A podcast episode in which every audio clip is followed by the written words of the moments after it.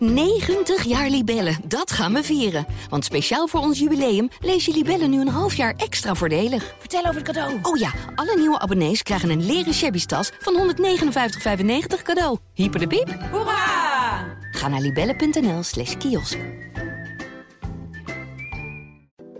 Luister naar Pitstop, Marijn Abbehuis en Arjan Schouten met het laatste nieuws uit de paddock.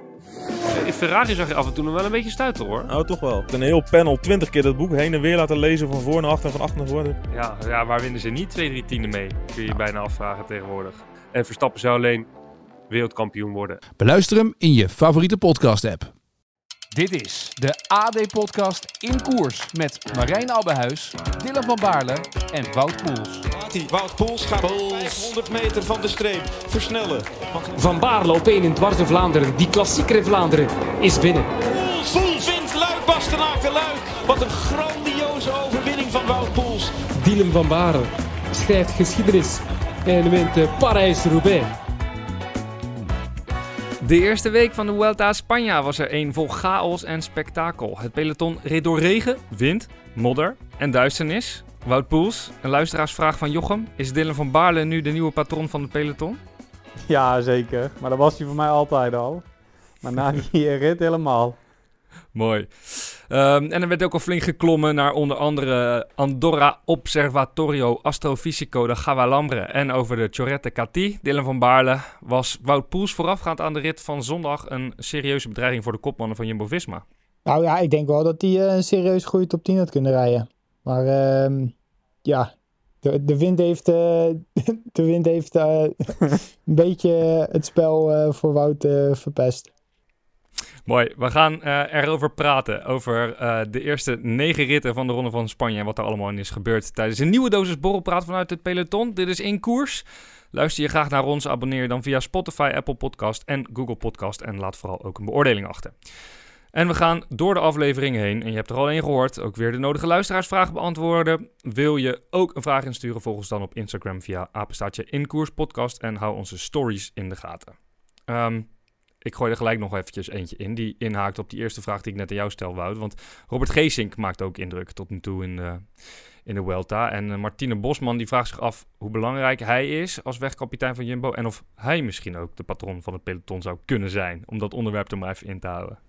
Uh, nou ja, ik denk dat die wel heel belangrijk is. Want hoe meer goede knechten je hebt, hoe verder je komt natuurlijk. En uh, hoe later de kopman in actie kan komen. Dus dat is wel heel belangrijk patroon van een peloton? Nee, dat denk ik niet. Dylan?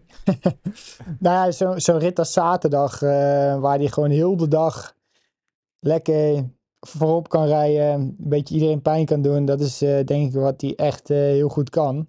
En wat hij dus ook zaterdag weer heel goed heeft gedaan. Um, dus ja, hij heeft denk ik daar iedereen wel een beetje pijn gedaan. en ik hoop, ja, ik ga er wel een beetje vanuit dat we dat soort dagen nog krijgen. Maar ik hoop wel uh, dat ik dan uh, iets lekkerder in het wiel zit. ja, um, maar hij is echt een wegkapitein, of niet? Hij, is, uh, ja, hij, hij heeft natuurlijk superveel ervaring in, in grote rondes. Hij, hij heeft meegedaan voor een klassement, voor ritten. hij, hij is er ook bij geweest bij een aantal Vueltas die, die Primos heeft gewonnen. Dus hij heeft uh, superveel ervaring en hij kan ons uh, zeker daarin bijsturen, ja.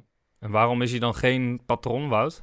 Ja, patron, dat, ja, ik vind dat sowieso lastig. Maar ja, dat, voor mij waren dat zeg maar de types als uh, Tom Borne, Cancellara. Ja, de, de, ja, ik weet niet. Dat, volgens mij hebben die dat iets natuurlijker over zich heen hangen. Ja, maar ja, het was even, laten we eventjes analyseren, want uh, Dylan heeft wel, uh, Dylan samen met Jonas, wel eigenlijk een soort van patronactie uitgevoerd aan het begin van de Vuelta. Want ja, ik, ik, ik zeg het in het intro, het was eigenlijk meteen chaos uh, tijdens een regenachtige rit. dat was denk ik de eerste rit in lijn naar Barcelona, hè? Ja. Corrigeer me maar als, Mhm. het, als ik het mis heb. Dat Roglic is gevallen, denk ik. En Dylan, Thomas. jij en, en, en Thomas, oké. En, en, en Dylan, jij en Jonas, jullie rijden naar voren om eigenlijk iedereen... Uh, uh, ja, tot kalmte te manen. Uh, om even rustig aan te doen vanwege de gevaarlijke situatie, denk ik. Ja. Leg eens uit, wat, wat, wat lag er aan de grondslag? Nou ja, er was al een hele hoop discussie voorafgaand aan de etappe, omdat het ja, finish midden in, ja, niet, niet midden in Barcelona, maar op de Montjuïc. En we hadden die rit verkend voor, de, voor de ploegentijdrit. En ja, toen dachten we al van ja, dat is best wel. als het droog is, is het al. Nou ja, Wout heb Catalunya wel een paar keer gereden. En dan is het al best wel een, mhm. een risicovol rondje. Um, en nu regent het ook nog eens. Uh, dus er was al een hele hoop discussie voorafgaand uh, aan de etappe van ja, moeten we of kunnen we daar op koersen? Um, kunnen we misschien de tijd uh, op laten nemen voor het parcours? Waar? Um, nou ja, dat, dat was een hele discussie. Um, dus ja, er, er, was voorafgaand al een hoop, hoop te doen om die etappe. en dan met, met, volgens mij waren het 39 rotondes in 24 kilometer of zo. um, dus dat, dus dat, dat viel, gelukkig, nog mee. um, dus ja, weet je, uiteindelijk... Kijk, het weer helpt natuurlijk daarin uh, niet echt mee. Maar ja, uiteindelijk eh, is dat ook een factor die zou kunnen meespelen. En dat was het precies hetzelfde met de ploegentijdrit. Dat, dat ja, de laatste zes, zeven teams gewoon in het donker reden. En Zelfs na de finish moesten we dus op de fiets terug naar de bus. Ja, wat zal het zijn? 7 kilometer of zo. Dwars door Barcelona zonder licht. Helemaal in het donker. Ja, dat zijn dingen die. Ja, dat, dat zou niet mogen in een grote ronde. Uh, dus ja, daar. Uh, ja, daar begon het eigenlijk al een beetje mee. En uh, ja, toen waren natuurlijk best wel wat valpartijen in die etappe naar Barcelona. En uh, ja, Primos lag erbij, Thomas lag erbij. En ja, toen hebben we geprobeerd uh, iedereen een beetje rustig te houden. Om, uh, om in ieder geval proberen zo veilig mogelijk uh, naar de streep toe te komen. Oké. Okay. En maakt dat een beetje indruk, Wout? Luisterde ze naar Dylan? Nou ja, het, het, was natuurlijk wel vol in de finale. Dus ik, wel slim dat ze het hebben gedaan. Voor een kopman. Maar ik denk dat DSM... die zullen toch een beetje een bittere nasmaak gaan hebben, denk ik. Nou ja, DSM die begon daarna gelijk weer met rijden. Wat ook uh, natuurlijk uh, ja, logisch was, omdat zij uh, die rode trui wilde houden. Maar ja, daar komt er natuurlijk gewoon nog een ander aspect bij, dat je ook aan de menselijke kant een beetje moet denken. En ja, moeten we op rotondes met olie, waar het drie maanden misschien niet heeft geregend, moeten we dan met 60 erop afkomen en dan wachten totdat er ernstige valpartijen gebeuren. En ik reed dan lek de laatste, wat zal het zijn, 20 kilometer of zo. En ja, op elke rotonde zag ik wel uh, een paar jongens liggen. Dus uh, het was gewoon super gevaarlijk. En ja, hopelijk uh, gaat het in de toekomst wel iets beter zijn.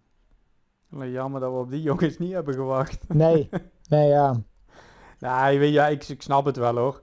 Ik vond er ook wel over. Maar ja, ik zat meer van, ja, oeh, dit is in die finale. Ik had hetzelfde gedaan als mijn kopman er lag. En iedereen ja, proberen koers te houden. Want ook die wat Dylan net ook al aangaf, er was discussie van waar zou, wordt de tijd opgenomen. En toen kwamen ze de organisatie met de eerste compromis op 3,5 kilometer voor de finish. Maar dan was bijna eigenlijk alle ellende, had je, kreeg je dan nog voor de kiezen. Dus dat sloeg al helemaal nergens op. En vervolgens hebben we met de renners, uh, ja, toch eigenlijk wel geforceerd dat de tijd werd opgenomen uh, voor dat klimmetje al. Dat we daar niet uh, als gekken naartoe hoefden te rijden. Want dat was wel met die weersomstandigheden gekke werk. Ja. Toch merk ik ook wel een beetje aan je dat je zegt van ja, weet je, Primos lag erbij en dus was het voor Jumbo belangrijker om hier een statement te maken. Um, en zal een ploeg met een kopman die niet gevallen is, ook wel een beetje sceptisch er tegenover staan. Ja, maar dat, blijft, dat, dat, is een beetje ook natuurlijk in een peloton. Dat is ook af en toe het probleem om, om echt een eenheid uh, te vormen dan om dat soort dingen. Want dan kun je ook zeggen van ja, waarom is die kopgroep weggereden? Dat we allemaal lekker bij elkaar moeten blijven. Ja. Um, maar goed, ja, ik snap het wel ook. Ik had precies hetzelfde gedaan. Ja, en op, jij vond het op dat moment ook wel gewoon logisch. En jij wilde ook wel rustig, rustig ik, doen. Ik had, ik had er wel vrede mee, want het ging wel... Uh, wat Dylan zegt, het is... Uh, kijk, ik wil niet dat we als uh, klinken. Als je dat zo mag zeggen. Maar ja, die rotondes, echt heel veel rotondes, bijna niks geregend hier. En als het dan regent, dan is het super glad. Was hetzelfde een paar jaar geleden in die uh, coronatour in Nice. Dat had heel de zomer nog niet geregend. Eén buitje. Ja, is uh, ja, uh, bijna schaatsen wat je dan doet. En ja, dan moet je als peloton... Ja, of, of je zegt van ja, we gaan er allemaal lekker voor en geen mietjes zijn en gewoon koersen. Maar dit was ook de eerste echte valpartij die er gebeurde in, uh, in die koers uh, uh, op zondag. Dus ja, weet je, je kan wel gelijk na de eerste rotonde zeggen van... Oké jongens, we doen rustig aan en we proberen het koers te houden. Maar ja, zolang er niks gebeurt, dan, ja, dan hoef je daar eigenlijk ook niet echt iets te doen. Maar dat moment, als, als Primos en, en Thomas dan vallen... en de eerste ja, serieuze valpartij gebeurt, dan... Ja, het was verstandig uh, geweest als we gewoon op die snelweg hadden gereden richting uh, Barcelona. Maar het klinkt, ja, want het is dan toch, wat jij zegt, ja, je, je, doet het pas op het moment dat er wat gebeurd is. Eigenlijk is dat natuurlijk misschien zelfs wel een beetje te laat, hè? want je wil juist proberen te voorkomen dat die valpartijen er komen. Je zegt ook, er is veel discussie geweest van tevoren. Waarom is er dan niet voor een ander parcours gekozen? Hoe, hoe, hoe groot is jullie stem dan geweest, zeg maar, in, ja, in, niet. Het, in het bepalen wat er, wat er gebeurt? ik denk onze enige stem was dat we zeiden dat de tijd werd opgenomen. Ik weet even niet uit mijn hoofd, maar onderaan dat klimmetje was 10 te gaan of zo, Ja. of 8. En die, ja, die parcours die liggen allemaal vast. Er liggen zoveel belangen aan vast. Eh, dat was ook met die ploegentijdrit. Ik was op het warmen. Het was gewoon aan het onweren. En er waren gewoon eh, ploegen aan het rijden. Dat je ook denkt van, als het onweert, dan ga je toch niet buiten fietsen.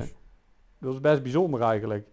En die belangen zijn allemaal zo groot, dat, wij dan gewoon toch af en toe, ook al roept iedereen van niet, op tweede plan worden geschoven. Van, nou ja, ga maar gewoon fietsen en uh, wij bepalen wat er gebeurt. Ja, net zoals in die ploegentijd hadden we gewoon met z'n allen een uur eerder gestart. Was er niks aan de hand geweest. Weet je wel, dan rijdt iedereen, dan rijden we alsnog in de regen. Maar dan rijdt iedereen gewoon wel in het licht. En ja, wel met licht, ja. omdat het zo donker werd, ja, dat maakt het echt nog eens een keer extra gevaarlijk. Ja. En, en dit, dit, zag je natuurlijk wel aankomen, want iedereen houdt die weer, weersdingen uh, ja. bij. En ja, dus niet dat je zegt van ja, er was echt in één keer uh, al die weerstations die hadden het verkeerd. Die zei dat het strak uh, blauw Ja, lucht, maar uiteindelijk, graden zou zijn. uiteindelijk uh, kijk, je gaat ervan uit dat als je in Barcelona koers, dat het, dat het mooi weer is. Maar ja, je moet ook altijd in je achterhoofd houden dat het wel een keer kan regenen. En dat het dus wel eerder donker kan zijn dan dat ze verwachten. Dus ja, dan moet je altijd een beetje een compromis in zien te vinden. En ja, ik snap als je dan op vrijdagavond uh, wil starten, net zoals vorig jaar in Utrecht, ja, dat je dan iets later start, zodat mensen kunnen komen kijken. Maar nu was het gewoon op een zaterdagavond. Ja, dat, dat, dat, we hadden gewoon een uur eerder kunnen starten en dan was heel dat uh, donker verhaal uh, was er niet geweest. Ja. Ja, ja, het, is, uh, ja, het heeft een gekhuis opgeleverd. Ik heb er vragen over gekregen van Lucas Schaasma en Frank Zwagers. Eigenlijk, um, ja, de vraag aan jullie is wat er is gebeurd, die ingekorte ritten. Um, is het alleen te danken aan het weer of ook aan de manier waarop de koersorganisatie van de Vuelta te werk gaat? Ja, het is een beetje beide. Kijk, we zitten natuurlijk hier nog midden in de zomer. Dus we hebben daar wel een beetje pech mee gehad met die ploegentijdrit, moet ik eerlijk zeggen. Uh, maar ja, dus ook, af en toe is het ook een beetje vooruitdenken natuurlijk. Ik bedoel, je kan niet met alles, alles rekening houden, maar wel uh, met, met, uh, met een paar factoren natuurlijk. En ook met die parcoursen, net als gisteren, die slotklim, die was ook spekglad. Volgens mij kon je dat niet eens asfalt noemen. Dan denk ook van ja, ja, je kan er wel altijd vanuit gaan dat het niet regent. Maar ja, het kan ook af en toe wel regenen natuurlijk. Ja. Ja, kijk, ze, ze, ze, ze hebben, er, die, uh... ze hebben er inderdaad gewoon geen rekening mee gehouden dat het zou kunnen regenen, weet je wel. En ja, dat moet je natuurlijk altijd in je achterhoofd houden, dat het hier ook kan regenen. En ja, ik weet niet wat ze met die slotklim gisteren hadden gedaan, maar dat sloeg er helemaal nergens op. Maar ook bijvoorbeeld die rit dat Remco valt naar de finish. Daar erg ik me al vaker aan. Die, kijk, dat kan ik die verzorgers ook niet kwalijk nemen, maar die staan zo kort na de finish. En ik bedoel, ja, deed wel een beetje uitgebreid vieren, maar aan de andere kant, ja, als je een rit wint, hè, mag je er toch ook lekker van genieten. En dan staan al die verzorgers altijd en organisatie op elkaar opgepropt en, en je bent nog geen seconde over de finish en ze roepen al dat je moet remmen. En dan kom je dan met hartslag 180 aan. En ja, dat, ja voor mij was het geen verrassing dat, hij daar, uh, dat er een keertje iemand valt. Ik bedoel, uh, ook met massasprints. Dan kom je dan met 60 per uur aan, staan ze 50 meter, staan er rechts allemaal fotografen. En dan moet je dan maar omheen sturen. Ja, dat zie je bij de Formule 1 toch ook niet, dat ze 200 meter verder staan, journalisten in een vakje om wat foto's te schieten. En uh, dat ze er maar omheen rijden. En ja, bij ons is het maar allemaal normaal. Maar ja, het gaat altijd maar goed. Maar net wat we zeggen, omdat het altijd maar goed gaat, uh, moet eerst verkeerd gaan voordat er wat veranderd wordt. Ja. Maar ja, nou klink ik als een oude zeur. Nou, nee, ik vind helemaal niet dat je oude zeur klinkt. Ik vind ook helemaal niet dat je een mietje bent of een poesie op het moment dat je zegt van... eh, ja, we, we, die, die, die koers moet worden ingekort als het regent. Ik vind het juist alleen maar dapper om, om dat te zeggen. Dat betekent dat je, dat je nadenkt over, over wat er zou kunnen gebeuren. En daar hebben we het natuurlijk dit jaar al een paar keer over gehad. Daar heeft, daar heeft de Mhm, koers wel ja. gewoon behoefte aan. Ja, zeker. Dus de, jullie zijn lekker bezig met, eh, eh, met, met zo langzamerhand steeds meer de patrons van het peloton te worden. Ga zo door, jongens. Ga zo door. Ja, ik moet Dylan wat meer volgen. Ik ga binnenkort ook even een keertje iedereen zeggen dat ze moeten stoppen. Gewoon kijken als het werkt. Ja, nou ja, de vraag is, als het toch over elkaar volgen gaat, of Dylan in staat eh, zou zijn geweest, als hij als die helemaal geen ploegorders zou hebben gehad, om jou te volgen bergop deze eerste week, Wout. Want om eventjes een slecht bruggetje te maken naar de, naar de bergritten tot nu toe in de Vuelta, maar je hebt eh, behoorlijk wat indruk gemaakt. Ja, nee, ik rijd bergop echt, eh, ja, echt heel goed. Eh, met de beste mee eigenlijk. En ja, dat is wel echt een heel lekker gevoel. Dus ik heb de goede flow van de Tour meegenomen. En ik moet zeggen, ik verbaasde me welke rit nummer eergisteren, nummertje Acht. eh, Acht. acht. Ja. Ja, daar, daar reed ik echt goed. Daar werd ik negende vanuit het peloton. En dat was wel echt eh, een lekker gevoel. Dus ehm, ja, daar ben ik wel blij mee eigenlijk, mee hoe het gaat. Ja, dus dan hebben we het over drie man eh, Jumbo, drie man eh, UAE, Evenepoel, Mas. En daarachter zit eh, Wout Poels op een half minuutje. Ja, ja dat, dat was echt gewoon echt een hele... ja, daar was ik wel echt heel Hij was blij ook mee. super lastig. De hele dag. Ja. Ik had eh, op deze klim al een keertje gewonnen in eh, Valencia, ja, dat dacht ik al. Dat Ja, je ja. die. eh, er stond iets van bij, inderdaad. Dus ik, dus ik kende hem wel. Dus ik had ook wel eh goede moraal. Nee, maar dat is wel top om zo met die man eh, zo lang mee te kunnen gaan. En ook wat er nog allemaal gaat komen, geeft er wel heel veel vertrouwen. Ja. Joost van der Star die vraagt zich af of je ergens een moment het idee hebt gehad dat je de rode trui zou kunnen pakken. Ehm, ja, dat, eh, dat was een beetje, of het doel, eh, een gedachte die ik wel had om in de eerste paar ritten zo min mogelijk tijd te verliezen. Toen reden we gelukkig nog een goede ploegentijdrit, omdat wij iets eerder startten en eh, wel gewoon licht hadden. Ehm, en toen ben ik die eh, ja, eerste bergrit ook niet zo heel veel tijd verloren. En toen ben ik in die hele grote vlucht meegegaan. En dat was eigenlijk wel een hele mooie kans. Alleen er zaten net even drie anderen bij die nog korter stonden. En dat was wel jammer. Maar goed, eh, ja, was wel mooi geprobeerd. Ja, zeker weten. Alleen, ehm, nu sta je eh, in één keer op een half uur. Ja, gisteren met die wind, eh, allemaal weggewaaid. was een beetje ro- ja, was een rotdag gisteren. Ik zat, eh die eerste, het ging gelijk vanaf de kant, eh, vanaf het begin op de kant. En ik zat in de tweede waaier, wat op zich nog wel redelijk was. Alleen toen kreeg ik helaas een lekker band. Dus toen kwam ik in de allerlaatste waaier. Vervolgens komen we op een klim terecht. Toen ben ik vol uit mijn groep gedemereerd om weer naar die groep voor me te rijden. Maar ja, die viel uiteindelijk gewoon helemaal stil, dat eigenlijk alles terugkwam. Dus dan had ik daar echt al een paar pijlen verschoten. Ja, vervolgens, nou, toen kregen we daar nog een afdaling. Zo. Dylan nam die op kop. dat was ook niet normaal. Dat was ook weer nat, glad, smal. En die gingen we eigenlijk wel heel lekker naar onder. En toen was mijn concentratie een beetje weg. Eh, ja, je hebt dan toch al het gevoel in de koers dat je 1-0 achter staat. En dat je die eh, eerste waaier hebt gemist. Een lekker band hebt gehad. Ja, toen was ik een beetje, eh, hoe zeg je dat, uitgeschakeld. En ja, voordat ik het wist gingen we naar rechts. En toen schoorde nog even een klein stukje op de kant. En ja, toen zat ik in het tweede gedeelte.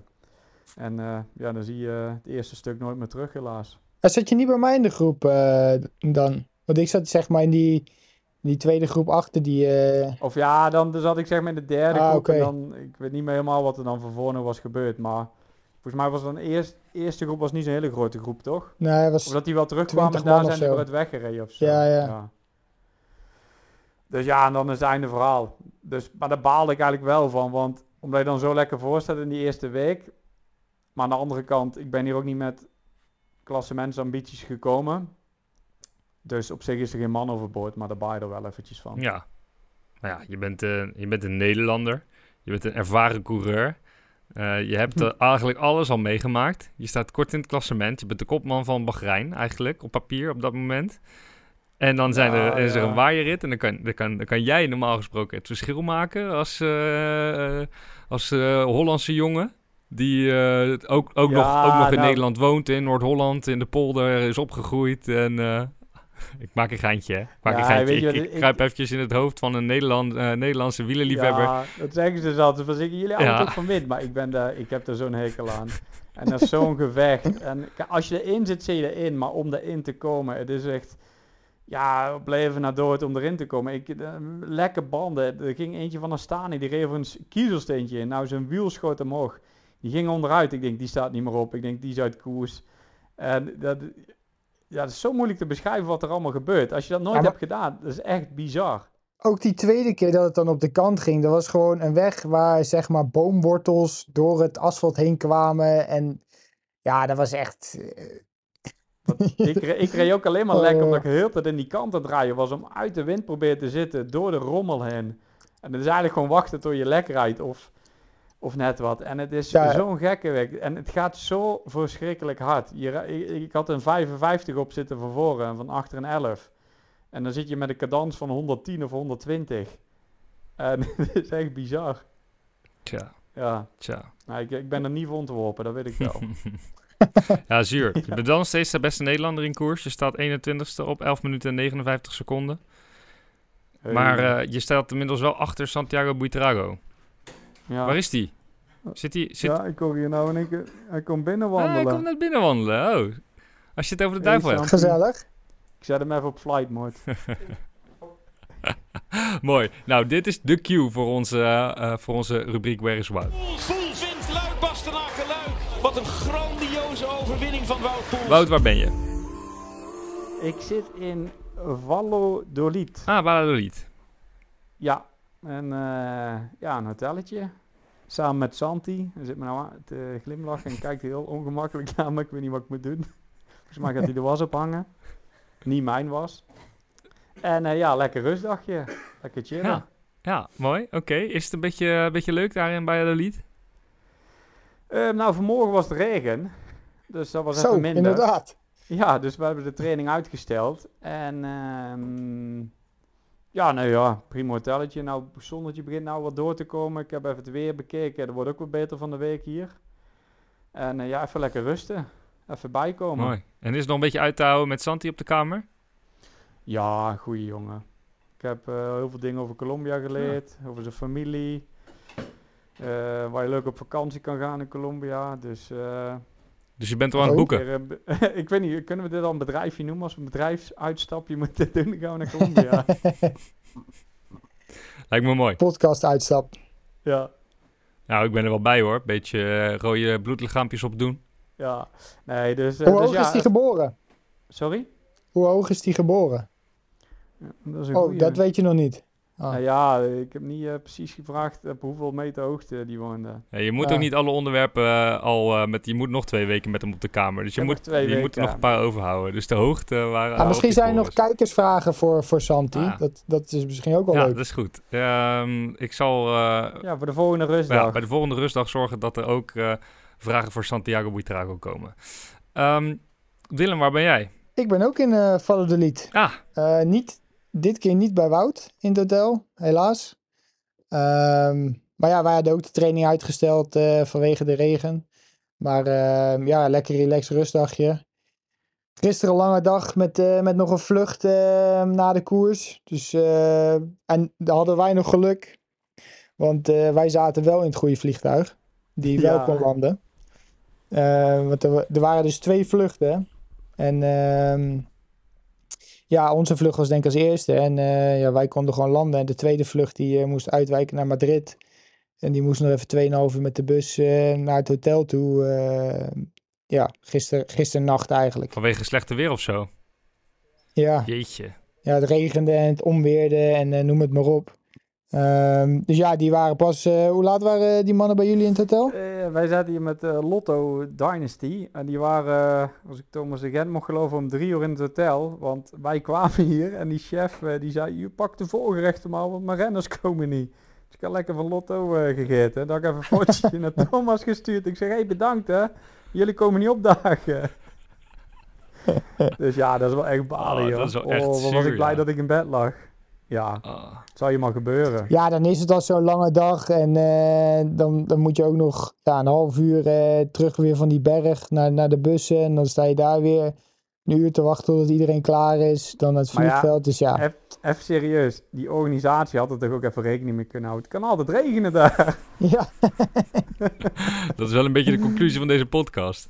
Dat, Oh, eh, dat ja. ze alles eh, goed geregeld zouden hebben gehad als het droog was gebleven in Spanje. Ja, Ja. ja. deze, ja dit, dit, dit was wel, eh, je kon ze niks Nou, doen, ze hadden dus twee chartervluchten eh, en de, he- de helft van het peloton zat in de eerste, de andere helft van het peloton zat in de tweede. En eh, de tweede kon gewoon niet landen vanwege het noodweer. Ja. dat is, en, en, daar kwam het op en neer. dus kwam uh, Lotte. Zaten er nog belangrijke eh klassementsmannen in die tweede vlucht? Mm, Oh, Jan Maas zat in ieder geval bij ons. oh ja. Ehm, maar voor de rest... Nee, volgens mij, eh, volgens mij niet. Eh Burgos van eh Jetse Bol, die zat wel in die tweede vlucht. Dan Lotto, denk IF, zat denk ik ook in die andere vlucht. ja. Maar ehm, ja, de rest, eh, de, Ja, de meeste van de 50-50. renners zat... eh, nou, maar ik denk dat de meeste renners wel bij ons in de vlucht zaten. Oké, ja. Oké, nou goed. Dus het is met Wout Poels, Dylan van Baarle en Jan Maas helemaal goed gekomen. Eh, dat, is, eh, dat is fijn.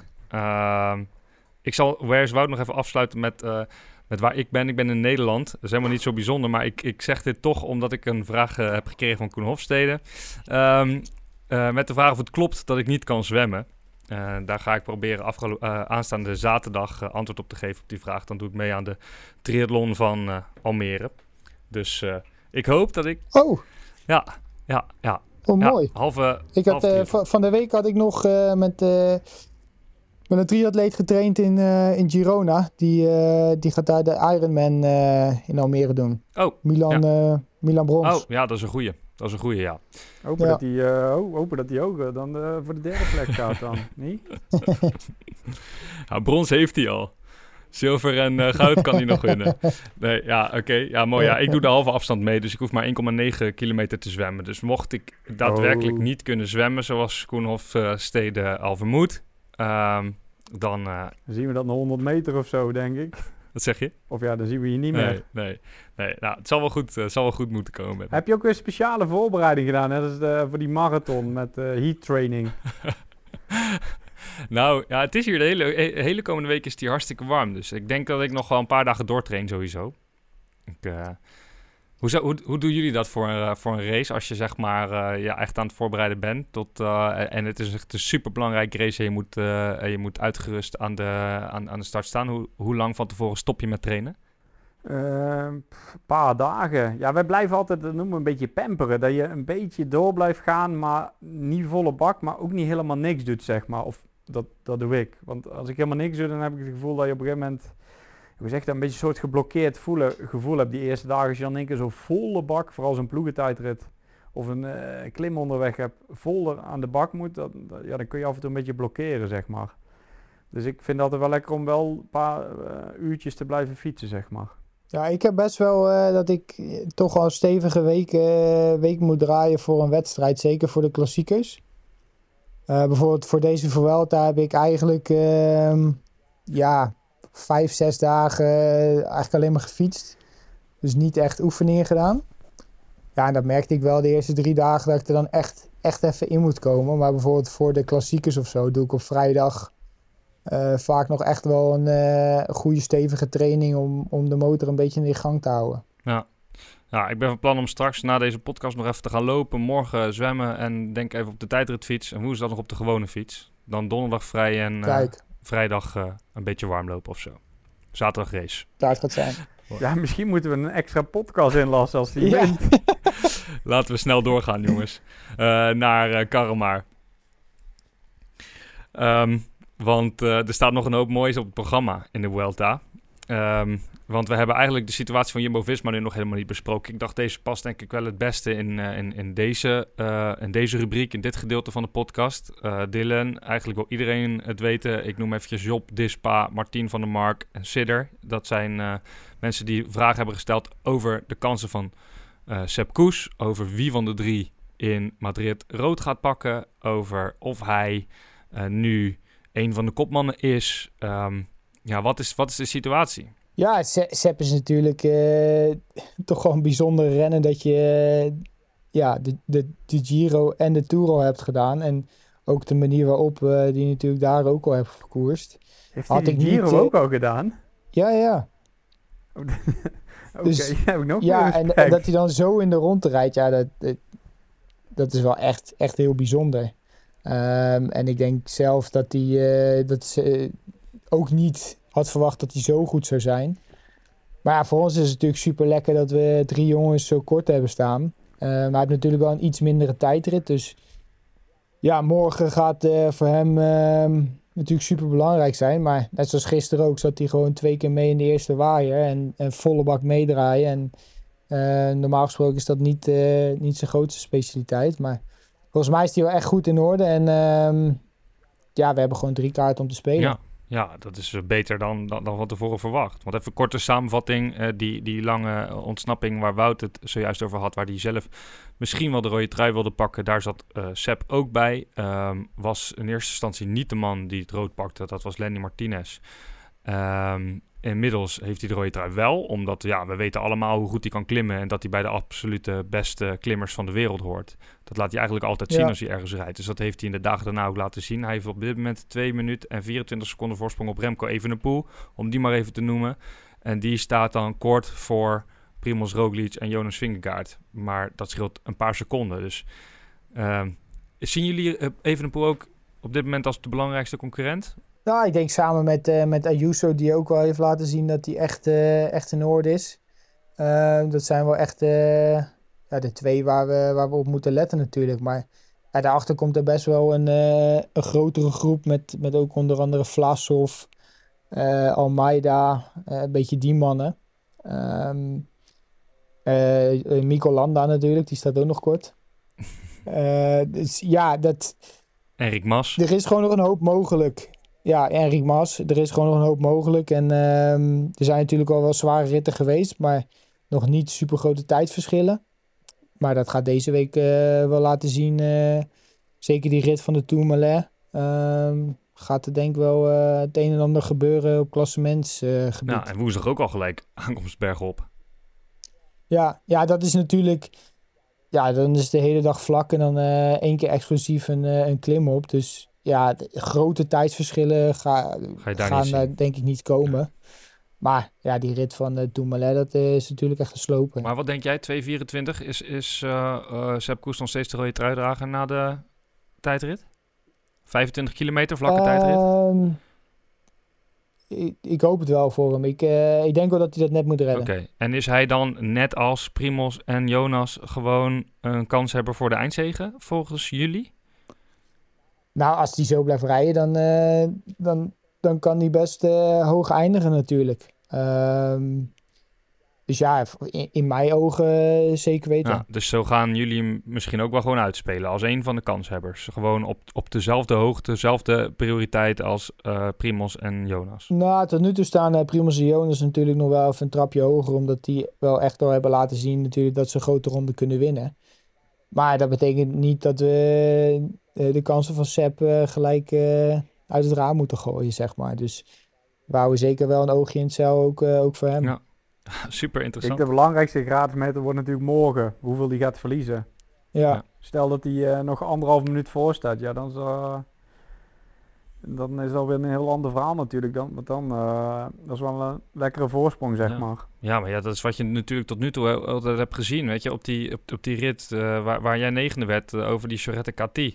Ja, daar reed hij op een Mhm. gegeven moment weg. En dan moet, moet Evenepoel, die moet daar dan achteraan rijden met, met, met Roglic en, en Vingegaard in zijn wiel. Ook omdat hij niet anders kan. Ik bedoel, je kan...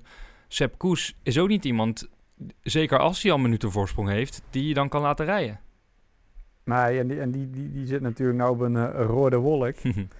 dus, eh, dus ja, maar ja, de, de- voor Jumbo zijn dat alleen maar top natuurlijk. Want precies wat je zegt, als die Sepp gaat, heeft hij twee van die anderen in zijn wiel zitten eh, als Remco moet dichtrijden. Ja, en dan rij je dicht en dan kletst die ander natuurlijk weg in eh, van die twee. Ja. Of alle twee, zoals we laatst ook nog deden. Ja. Oké, interessant. De, de coach voor Jumbo eh, ja, ziet er goed uit. Wordt, wordt mooi. Eh, gaan we volgen. Ehm, wat is er voor jou overgebleven, Wout? Want ja, eh, je bent nu dus een beetje weggezakt in het klassement. Misschien heb je al afgelopen week het idee gehad van... nou, ik kan nog mikken op een top 5, top 10 eindklassement. Ik weet niet hoe je er, hoe je er nu naar kijkt. Ben je nog met het eindklassement bezig? Nee, ja, nee, dat, eh, dat laten we gewoon eh, voor wat het is. Dus we gaan eh, nog gewoon vol inzetten om, eh, ja, om nog een rit proberen te winnen. En eh, ja, Tourmalet komt er nog aan. Angliru. Angliru komt er nog aan, waar ik ook hele mooie herinneringen heb. Eh, dus ja, dus er komen nog heel veel kansen. Maar eerst even eh, natuurlijk de tweede week. En eh, dus ja, En dan is, dan is dus de rit in. naar de Tourmalet, dat is de rit waar je als eerste aan denkt. Ja, en ook die rit daarna, dat is ook wel een hele mooie. De Lara eh Belagua. Als ik het goed zeg. Ja, Spaans, Probeer eh, het- dat probeer het eh, nog zit een ook keer. in de lift. Pro- probeer het nog een keer. Ja, Spaan. Ja. Wat Ja, doe het nog even een keer. Lara Beluaga. Ja, heel mooi. Lara, Ja, zie je? nou, Santi die zit hier gewoon ja te knikken dat ik echt perfect ja, zei. Lara Bela- Belagua is het. Lara Belagua. Ehm, En nou zie ik hier iemand op de achtergrond lachen. Die hoort dat. Die denkt, wat zegt hij nou joh? nee, ja, oké. ja, mooie ritten. Ehm, Nee, ja, nee, dus die twee, dat zijn echt hele mooie. En ehm, ja, dus dat zijn wel eh, twee eh, die, eh, ja, waar kansen liggen, zeg maar. ja, nou goed. En je hebt laten zien dat je gewoon ja, bij de beste klimmers hoort. Dus ehm, het zal niet vaak gebeuren dat Ja. je in een kopgroep zit en dat er dan gasten met je mee zijn die misschien beter klimmen dan jij. Je zal altijd eh, een van de beste klimmers van de kopgroep zijn, denk ik. Ja, daarom dus. ehm, dat is af en toe ook een lastig koersen. Want eh, net als laatst, als je een hele grote kopgroep hebt met 30, 40 man. Ik was blij dat eh, Dylan het initiatief nam samen met Jantje Tratnik. Om gewoon op kop te rijden en alles bij elkaar te houden. Want alles begint te springen. En ja, je kan niet op alles reageren. En dat kost zoveel energie. Ehm, dus ja. Eh, dus dat is dan ook een beetje managen. Maar eh, nee, het vertrouwen is gewoon goed. Het niveau is goed. Dus we gaan er lekker tegenaan. ik dacht nog even bij die rit van misschien is het voor, voor jullie eh, ook wel ideaal. En heb ik het, en dan, spreek ik jou nu aan, Dylan. Voor jullie bijna ideaal als Wout de rode trui pakt. En Sepp daar dan net tweede achter staat. Want het verschil tussen, tussen Koes en, en Wout Poels was voorafgaand aan die rit ook nog niet zo groot. Maar daar kon je natuurlijk ook niet op gokken. Nee, ja, kijk, eh, uiteindelijk kwam het voor ons eh, natuurlijk mooi uit dat eh, die Lenny Martinez de rode trui pakte. Ja. Maar het had natuurlijk mooier geweest als, als, het, als het Wout was geweest. Ehm, maar ja, dat mocht niet zo zijn. Nee. Ehm, maar ja, wie weet gebeuren er wel nog hele mooie dingen deze, deze voor Wout. Wel heel knap van die, eh, van die Lenny, want volgens mij is die de jongste rode trui drager ooit. Of überhaupt in een grote ronde. Hij is in ieder geval de jongste eh, renner van deze Vuelta. Ja, maar volgens mij ook de jongste uh, leiderstrui drager. Dat zou in de kunnen hoor. Vuelta. Dat zou kunnen. Hij is 20 volgens mij. Ja. Ja, hij is eh, in juli 20 geworden. Ik vond hem wel irritant, want ik ging de hele tijd voor me rijden. Maar ik wilde dus niet achter hem rijden, omdat hij dus heel klein is. Maar dat was meer eh, voor de Ja, wind. dat snap ik. Dat snap ik. Je Ja. bent al zo goed in de wind. nou, Geintje. Maar jij zal misschien ook even een beetje het gevoel... Ik had het in ieder geval toen ik ernaar zat te kijken. Jij zal misschien ook een beetje het gevoel hebben gehad... dat Dylan gewoon voor jou aan, eh, op kop aan het rijden was in die rit. Ja. Ja, tuurlijk. Ik denk, eh hè, maat onder elkaar. nee, dat was mooi meegenomen. Deze wel goed hoor, want op een gegeven moment moesten ze ook wel de controle nemen. Want ik zat al langer te denken, ik, want jullie hadden vier man denk ik in totaal mee, Ja. toch Dylan? Ja, Met En Valter dan als je dan Sepp En mee Sepp. hebt. Ja, en als je dan Sepp mee hebt, dat is natuurlijk eh, ja, een van de beste klimmers van de wereld. Dan kun je er wel op gokken om gewoon het initiatief te nemen. En, eh, ja, maar dat konden we niet gelijk doen. Want dan rij je natuurlijk gewoon 100 kilometer of, of 110 kilometer met, Mhm. met z'n tweeën. Ehm, Ja. Dus ja, we moesten het nog wel even de koers laten. En op een gegeven moment, na die steilere klim, ehm, Mhm. dan wel het initiatief pakken. Want ja, ook, ook Sepp gaat dan een beetje naar de kloot als hij heel de hele tijd moet springen natuurlijk. En zeker als het dan ietsje minder bergop is.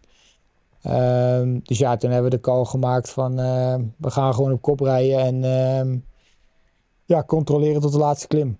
ja, nee, dat, eh, ik moet zeggen, petje af. Dat was mooi. Ja, mooi. Ja, zijn jullie Graag het in ieder gedaan, geval Eh, met elkaar eens als het gaat om de tactiek. Ben benieuwd hoe dat eh, de komende week gaat zijn. Dat gaan we allemaal, eh, allemaal zien. We beginnen dus met een tijdrit. Daarna ehm, veel klimmen. de- waaronder dus de Tourmalet deze week. En Lara...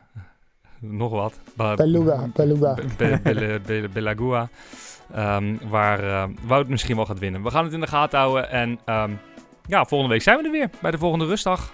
Nemen we weer een nieuwe podcast op. En dan weten we of er een rit is gewonnen door Wout Poels en eh, welke Jumbo-Visma-renner er dan in de rode trui staat. En eh, ja, ik, we kunnen ook dan nog eventjes de revue laten passeren hoe mijn triathlon is gegaan. Maar goed, dat is eh, niet, niet het allerbelangrijkste. voor nu, bedankt voor het luisteren. Jullie weer bedankt voor je tijd en succes daar in de Spaanse zon. Jij ook succes hè. Dankjewel. Ja, succes. Adios. Adios. Adios.